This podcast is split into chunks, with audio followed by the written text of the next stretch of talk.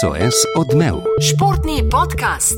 Pozdravljam v jubilejni 100. epizodi podcasta SOS odmev, kjer iz številk delamo besede. Živijo in praznični pozdrav tebi, Toni. Vse najboljše slavka, ja. čestitam za 200 222. oddajo številk, kdo še ni poslušal, mora obvezno poslušati sproščajoče in nasmehujoče, izmišljene besede, se pravičujem lektorjem, zlasti Marko Pršo. Uh, ja, ne, uh, čestitke tebi. Uh, sem mislil, da bomo praznovali sem take lepe številke, 222 in sem ful pripravljal se na 111. oddajo, ampak ja, 100. oddaja je nekaj posebnega, mislim, da. Ja, lepo ste se tale jubileja uh, oba ujela in Toni, se veš, da smo v tej najnji oddaji izgovorili veliko številk, še več besed. Ja, in najbrž je prav, ne, da sva tole epizodo uh, obeležila s prav posebnim gostom. Seveda, uh, mislim, da ni težko ugibati, v katero smer se bo odvrtel tale podcast. Ampak, Bowling. Ja, ne, ne, to, ne gojim tega športa. Uh, rekel, da je to si ti štev, priznam, nisem jaz štev. Da v preteklih štirih letih in pol sva o njem tudi največkrat govorila. Povabila sva v goste nadaljavo z Tenerifa, Primoža Rogliča. Ki se je na najno in vašo veselje, oziroma uh, srečo z veseljem, povabilo tudi odzval, imel je marsikaj zanimivega povedati. In, uh, ja, najbolje, da kar prisluhnemo celotnemu pogovoru. Uh, Primož, lepo pozdravljen, hvala, ker si vzel čas za gostovanje v jubilejni 100. epizodi podcasta SOS Odmev. Dragi Slavko, pozdravljen. Oddaja je nastala septembra 2018, pravi v tednu časov pred uh, svetovnim prvenstvom v kolesarstvu v Innsbrucku. Od takrat sva s Slavkom res veliko govorila o kolesarstvu. Uh, prav tebe, Primož, pa sva največkrat omenila, ali bi uganil, koliko krat v teh 99 oddajah si bil omenjen. Ja, upam, da 99 krat. Odličen odgovor. Povej ta. Uh, bil, si, bil si zelo blizu odgovora, 41. Uh, je blizu, namreč uh, veliko smo se pogovarjali tudi o nogometu, pa košarki, Ligi NBA, Luka Dončić uh, blesti v zadnjih letih, ampak ja, uh, pravzaprav smo že od samega uh, začetka, od druge epizode, ko je bilo svetovno prvenstvo v Innsbrucku, kot je Toni že rekel, smo začela in dejansko vse velike grand ture uh, sva tvoje obdelala, tako da ja, uh, si res nekako rdeča nit uh, naših pogovorov.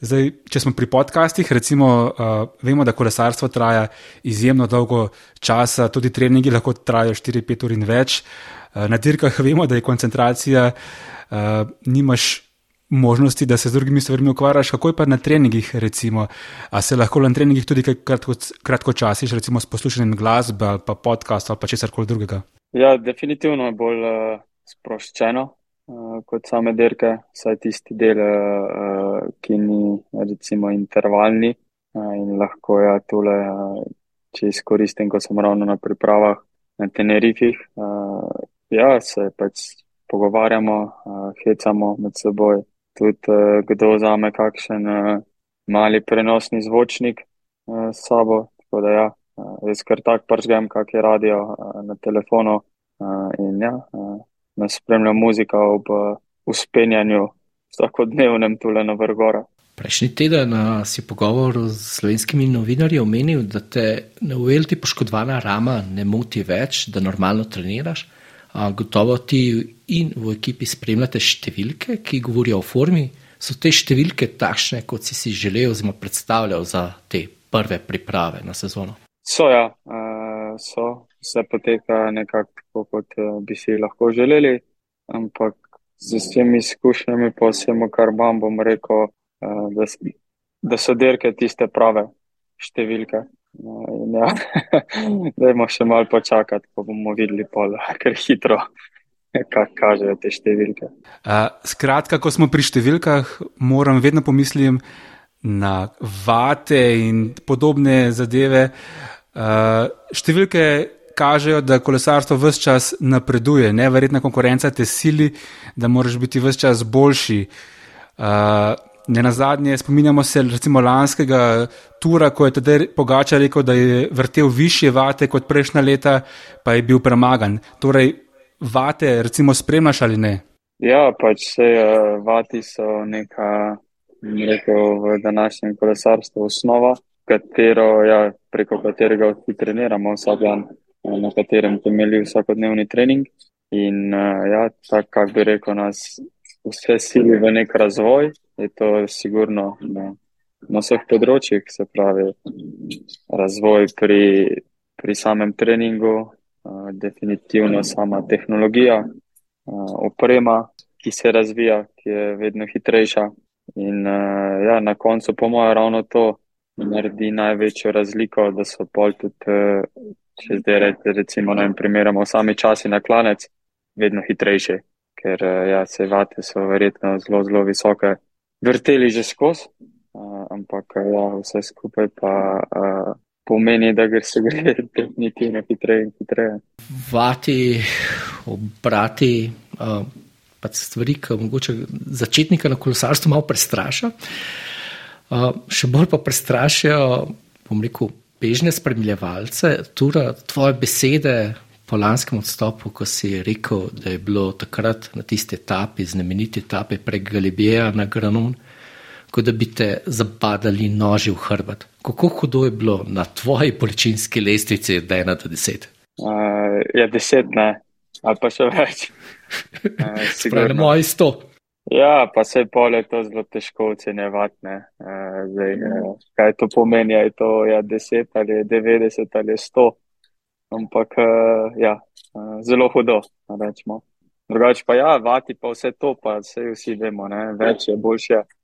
Uh, in obratno pri uh, samih kilogramih, manj je boljše.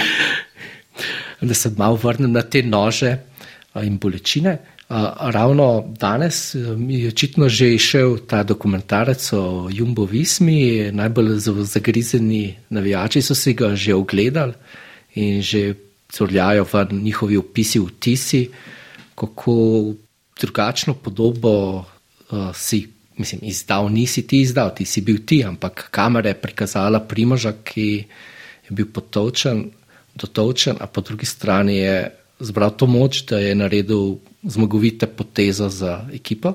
Uh, ste mogli eh, na koncu res prepričati, da si odstopil, ali je bilo res preprosto tisti granon, še zadnja kaplja, ki si je lahko dal za ekipni uspeh? To je bilo preprosto. To. Uh, Toliko časa sem uh, ja, vedno nekako strajam do, do res uh, do zadnje možne meje, uh, ponovadi če mal čez, uh, da je res zihar. Uh, ampak ja, uh, je bilo sigurno zelo zihar, da, da ja, je, bilo, je bilo to, to kar sem v bistvu lahko naredil z, z lanskim turom. A si si sam že pogledal dokumentarec ali vam niso pokazali?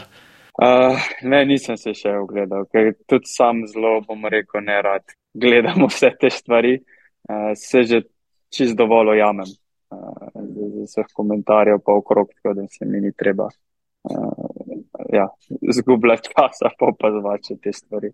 No, ko smo pri tem, uh, tem tritidenski dirki na Turu. Uh, tukaj se je še enkrat več videl, kakšno pomembno vlogo odigrajo pomočniki in uh, super pomočniki. Ne na zadnje, Jonas je imel na tej dirki dva super pomočnika v tvoji vlogi in Vauta, vemo, kaj je naredil na tistih koskah, pa še kakšni drugi etapi. A morda zaradi tega.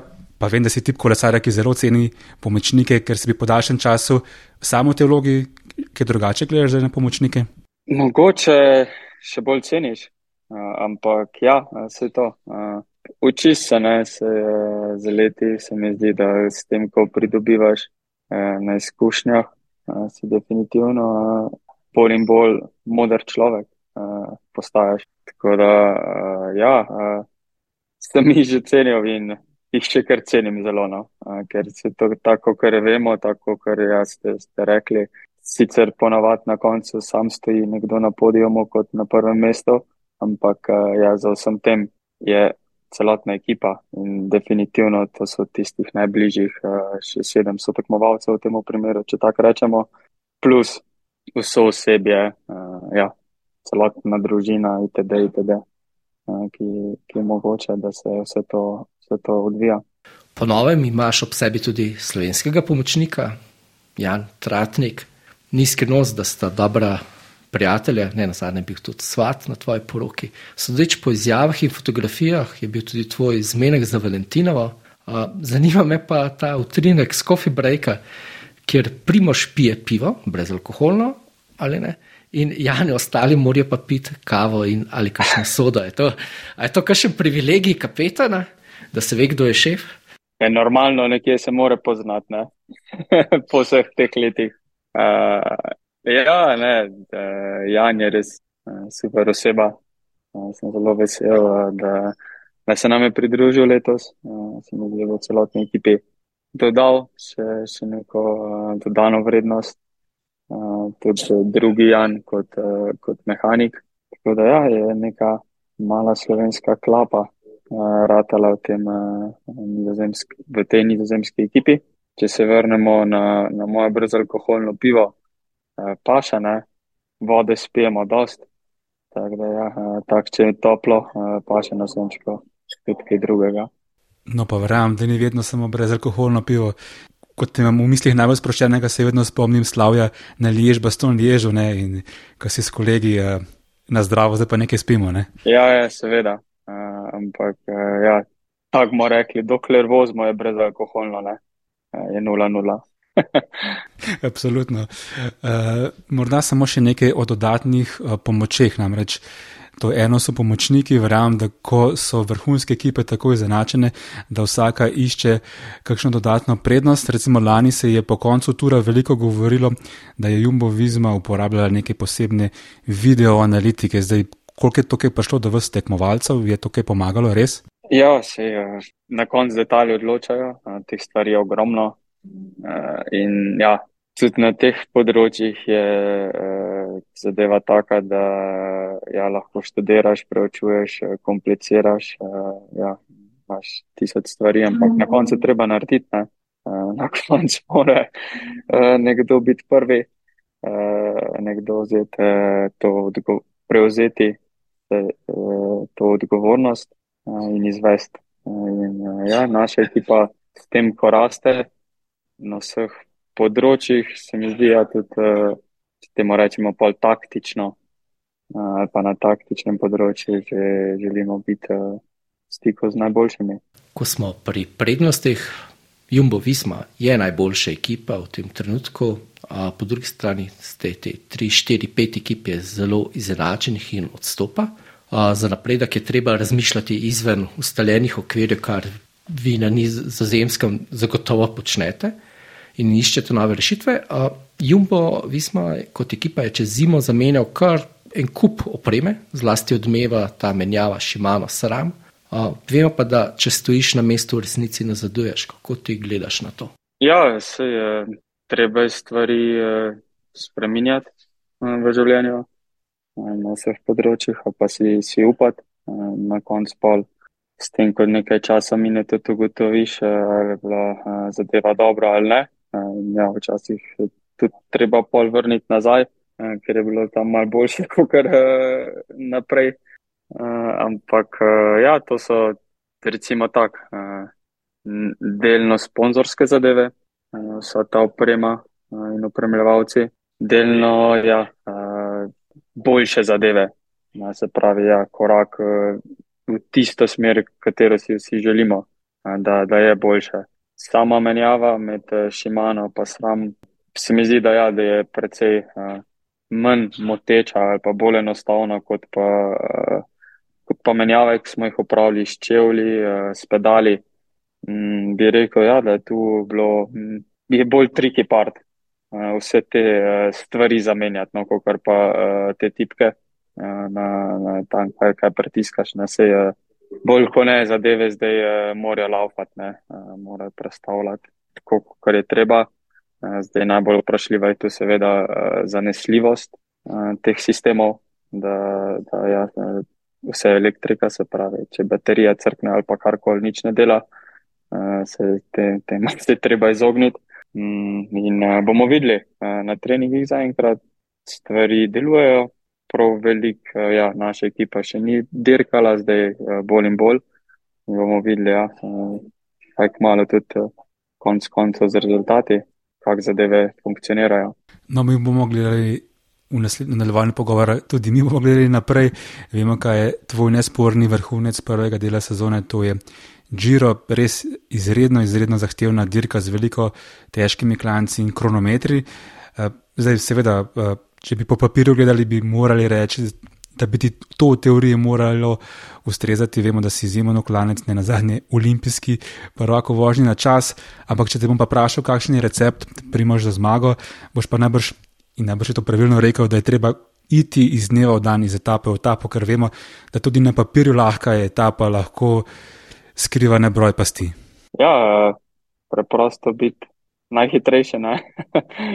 vsak dan in imeti majico po, po tem, ko, finaš, po tem, ko prečkaš ciljno črto v, v Rimu.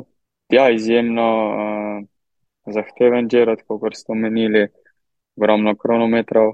Tako da ja, kaj ne rečem, upam, da po operaciji rame sem mogoče lahko še malo bolj aero, pa pridobim kako eh, sekundo ne, v, v primerjavi z ja, eh, najboljšimi kronometristi eh, na, na svetu in ja, z, z neposrednimi nasprotniki. Na tem džiru. Neposredni nasprotniki, hm, stavnice pravi, da si drugi favorit, prvi je Remko Evenepol. Je tudi v tvojih očeh glavni tekmec in koga bi še izpostavil? Ja, to je vedno tako, ja, ker predvsem je hvaležno vprašanje sploh za, za me, pa za tekmovalce. Se konc koncev bo 150 ali pa 200 tekmovalcev na samem štartu izjemno pripravljenih, motiviranih in ja, najboljši bo na koncu na, zmagal. Remko definitivno s, s tem, kar je pokazal zadnjo, zadnje leto pa v zadnjih letih, je ja, eden izmed res top, top favoritov, tudi glede na, šte, na, na kilometre v samem kronometru. Tako da ja, dajmo začeti, pa pridi do Rima, pa bomo videli, kdo bo najhitrejši. Primoš kolesarstvo se je res izrazito se mi zdi, da zaradi konkurence so v zadnjem desetletju, recimo odkar se ti vstopil v ta šport, se je še bolj specializiralo. Ne?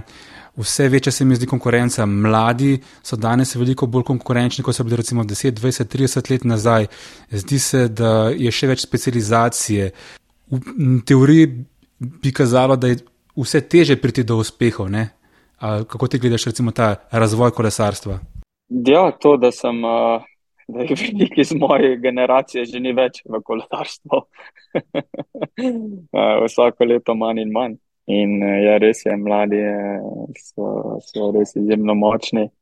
Praktično je že pred 20 letom eh, lahko eh, konkurirajo nam, kar je včasih malo mal težke, težko eh, razumljivo. Ampak po drugi strani pa ja, je eh, z, z tem razvojem znanja kaj je potrebno, da si najboljši in tudi s to spec, zgodnjo specializacijo ali kakorkoli bi temu rekel, so, ja, je to mogoče. Sam spoh še na kolesu nisem bil, ko sem bil 22 star, ampak ja, zdaj pa se zmaguje Grand Tour pri teh letih. Uh, tako da bomo videli, no, uh, je pa verjetno drugi, druga stvar vsega tega, da uh, si znam predstavljati, precej teže. Ostaneš pa le uh, deset let, od 22 do 32 na, na takem nivoju. Živimo v zlati dobi slovenskega kolesarstva, a med navijači je žal prisotna, mogoče za Slovenijo, nekateri pravijo, običajna razdvojenost. Namesto da bi uživali v popu in roku, v kakšnem odnosu si zdaj, ste, ne na zadnje, ste tudi someščana. ja, dobro. Eh, se mi zdi, ja, da je neumno, da je res eh, komplicirati, eh, ampak ja, smo ljudje, vsak se ima pravico nekaj opredeljevati in ja, ja, komplicirati, komentirati. Tako da naj te sladke stvari ali pa skrbi le še trajajo čim dlje. Letos v bistvu ni napovedano, da bi se soočila, srečala na zlasti na etapnih dirkah, vse imamo v spominu, zlasti baske, pa tudi tur. Bomo še videli, kdaj vajo na etapni dirki kot kapetana, mogoče že letos? Ki? ravno zaradi te razdvojenosti so rekli, da je boš, če ti dirkaš to, jaz bom to, pa imamo, pa, pa, pa imamo pokrito, ne, da se nava kregala. Uh, bomo videli, uh, sej, sej, uh, z, z, tudi z teh uh, zadnjih uh, izkušenj, nikoli ne veš, kje boš končal. Uh, in uh, ja, treba štartati sezono, na koncu bomo pa komentirali. Ja, prav imaš slovenski nevijači, imajo res sladke skrbi, ne le vidva. Kmalo bo recimo prvi spomenik te sezone, Milano Sanremo, lani ga je osvojil, Matej Mohorič, eh, še en vajen slovenski someščan. Eh, zanimivo mi je bilo, kako je decembra razlagal, kako se v Monaku včasih po upravkih eh, vozi tudi z mestnim električnim kolesom, tudi nekakšno galo prireditev. Uh, ti kdaj uporabljaš tako storitev, oziroma greš kdaj na okoliš s kolesom, kratko, ne samo na trening ali pa dirko? Grem, ja, v Monako. Pač Monako je, tako bom rekel, nekaj avto, prav ne potrebuješ. Zdaj pa ja, s kolesom si posebno hitrejši kot pa peš po, po, po upravkih, rečemo temu. Da ja, tudi je za, za razne upravke ali pa karkoli ko sam zapeljem hitro s kolesom, da ne grem peš.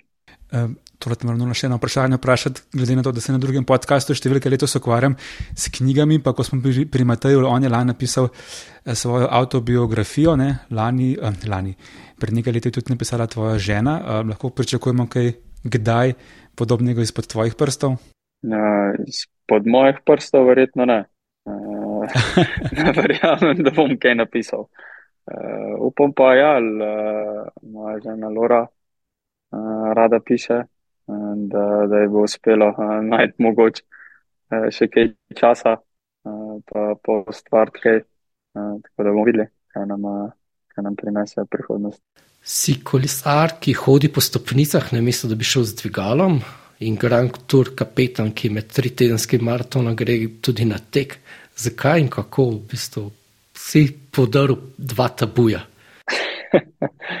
ja, nekdo jih mora, ne? zato da vidijo, da ni nič hudega, da lahko. Aj morda kaj v kolesarstvu, če se si zelo želiš, pa veš, da najbrž tega ne boš dosegel. Ne govorim o recimo zmagah pa nekaterih dirkah, recimo Paris Rubi. Ne vem, če bo se boš dal odločil, morda se boš, presenetil, ampak recimo kakšne take prvine, ne vem, včasih se mi zdi, seveda, če si intuitivno, asociativna misel, eh, da si želiš tudi, recimo, kdaj v sprinterskih, uh, v sprintih malo bolj udariti. Vemo, uh, da to ni tvoja prvina, ampak je morda česa, kar si pa želiš, pa veš, da zaradi stile dirkanja, ki ti zdaj ustreza, se tega ne boš nikoli lotil. Mm, ja, spet tako, kaj bi rekel. Vprašanje.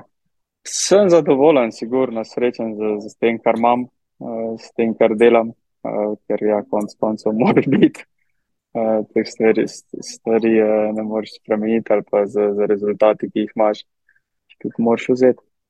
Tako da, predvsem slediti temu, kar sem delal do zdaj, uživati v tem. Sezono začenjaš v Kataloniji. Sam sem bil pred dvema tednoma v Barceloni, šel sem z, z sposobnim mestnim kolesom na moj žig, pa je malenkost je hud. Ja. Uh, pa sem si pogledal uh, po pogovoru prejšnji teden, to zaključek te etape v Barceloni, pa mi je začelo, kako da tako izvrsten šprinter takrat nisi mogel premagati tistega Rusa, da bi zmagal tisto etapo. Ja. Kratka, sladka zadnja etapa, ja, tako kot vedno, uh, odločilna, uh, nek šprint, ponavadi male, male grupce. Se vrnem pa 2016, pa je ravno moja, kako bi rekel, neizkušenost, uh, s tem, da ja, sem ga vprašal uh, in uh, so govorila in je rekel, ja, da ne imajo ok, če je drugi. Uh, in uh, ker ima zadaj še v tistem času je bil je vozil za Kativša, zadaj je bil uh, Rodriguez Porito. Uh, in ja, je bil na več čas z mano, ampak na koncu me je pač printeral, ne, tako da ja, hvala. to je bilo to. ja. Katalonija je zanimiv izziv. Um, če pač seveda, vemo, da Primož gre na dirko, da zmaga.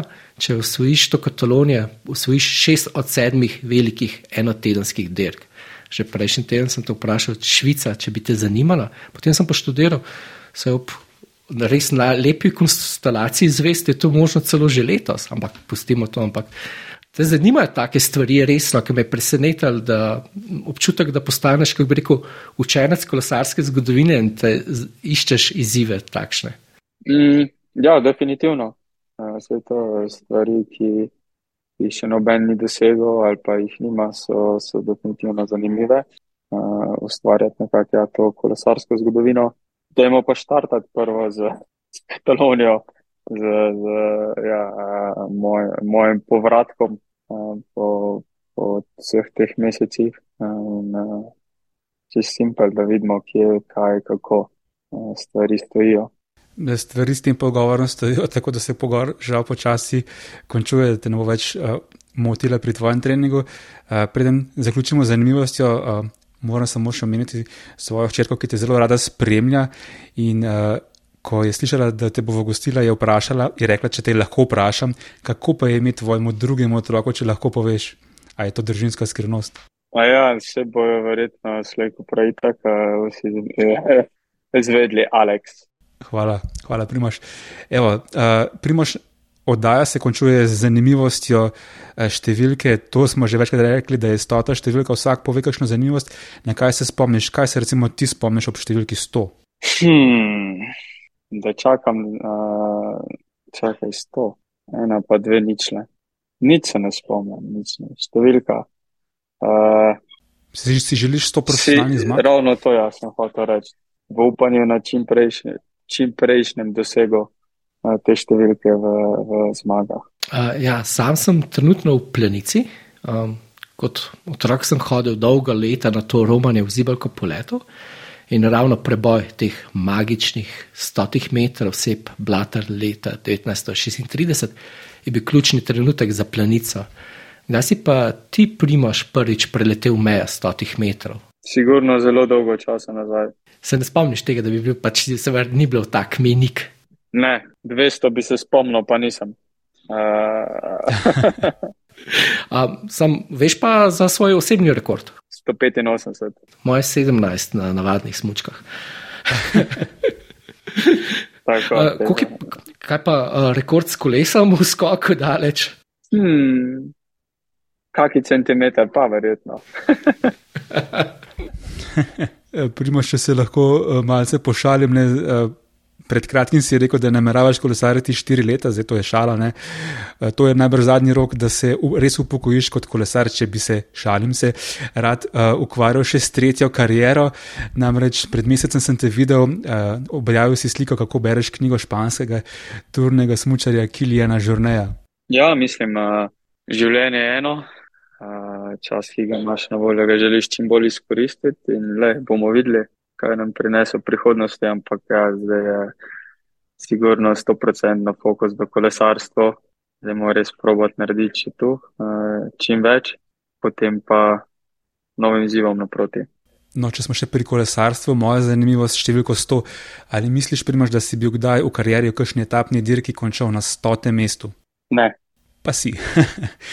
stoti, si stoti si bil namreč. Uh, na četrti etapi dirke po Sloveniji leta 2014, potem leta 2015 si se vrnil, dirko dobil, pa potem spet leta 2018 in zdaj sem se spomnil, ko si uh, srečanju z novinarji govoril.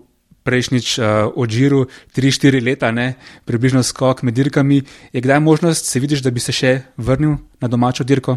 To je pa spet neko drugo zaporedje. E, ne vem, sicer še čez kako. Bomo videli. E, vedno dirka po Sloveniji je ja, nekaj najlepšega, v bistvu dirka doma, uh, domačimi navijači na domačih uh, cestah. Ampak zdaj je predvsej težko vse to uh, vklopiti v, v sistem tima, v sistem ja, vseh, vseh teh uh, največjih dirk. Bomo videli, uh, če bo uh, kdaj kakšna šansa sigurno nikoli ne reči, nikoli z veseljem uh, pridem nazaj in uh, na dirko po Sloveniji. Ja, tako ste si studijem razdelili za Grand Tour, mogoče bi pa se zmenila, mogoče ne letos, ampak druga sezona, da bi pa dirka po Sloveniji postala ta srednji dogodek, kjer se srečata vidva, pa še kdo mogoče. Dobra, dobra ideja, ne? lahko bi ja nekaj tazga, pa Jonas, pa tak, da naredimo neki uh, uvod pred samo dirko po Franciji. Primoš, iskrena hvala, da si bil gost jubilejne stote epizode. Uh, želiva ti seveda veliko uspehov, pa ja, da se vidimo na višarjih. Ne? Najlepša vam hvala. Se vidimo. Srečno in uspešno. Toni, Primoš je bil slišati precej dobre volje. Ne?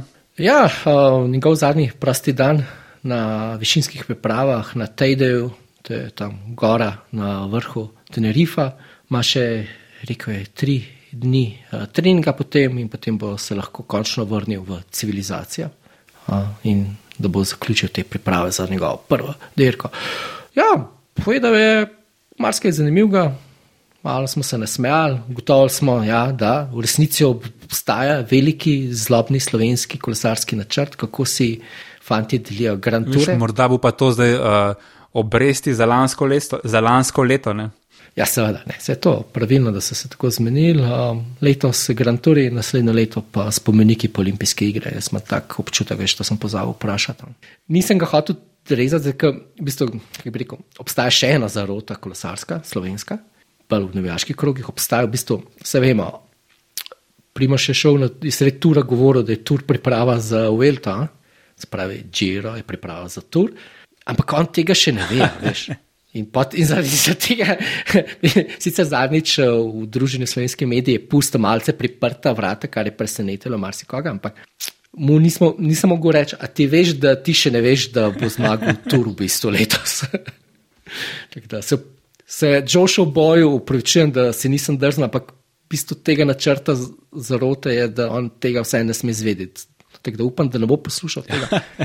Rekel, da, sam, da sam sebe težko posluša in gleda. No. Skratka, kolesarska sezona se je komaj začela, bogata bo, obljublja veliko vrhuncev tudi za slovenske ljubitelje. Ja, Toni, če so skoraj polovica, uh, očitno je odgovor polovica epizod namenila do zdaj kolesarstvu, bo najbrž podobno tempo tudi letos in letos bo še več podarka kot prejšnja leta na Džiru. Ja, Džiro, sej, to je lepo tudi uh, Primoš prejšnjič rekel, da to je nam najbližje derka, pač Grand Tour, ki smo ga poznali, smo ga čutili, tudi zavil je parkrat k nam, oziroma tudi nedavno, tako da je ga Slovenci imamo radi, še tak ta prav letni čas je konec maja in uh, mislim, da, uh, kako bi rekel, tukaj sem trenutno v Kranski gori, oziroma v Plenici, Marsikdo v času svetovnega prvenstva v nordijskem smučanju je kar malo razočaran, ni vse polno med tednom, ni vse rezervirano, so odpove, odpovedi in tako naprej.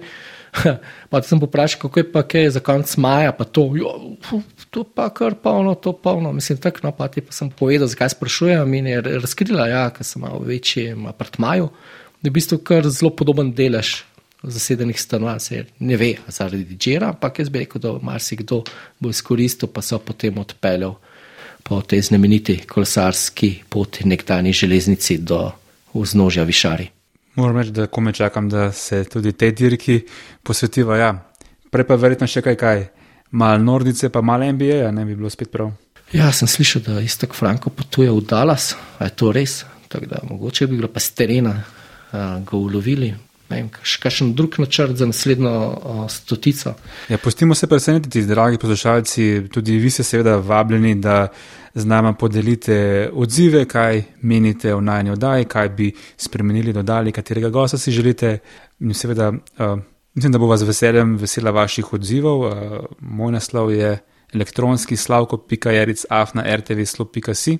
Moj pa je tudi toni.gruden afna rtv.si. Hvala za zdaj, eh, se beremo, poslušamo in se slišimo v epizodi 101. Tako je, naslišanje naslednjič. SOS odmev. Športni podcast.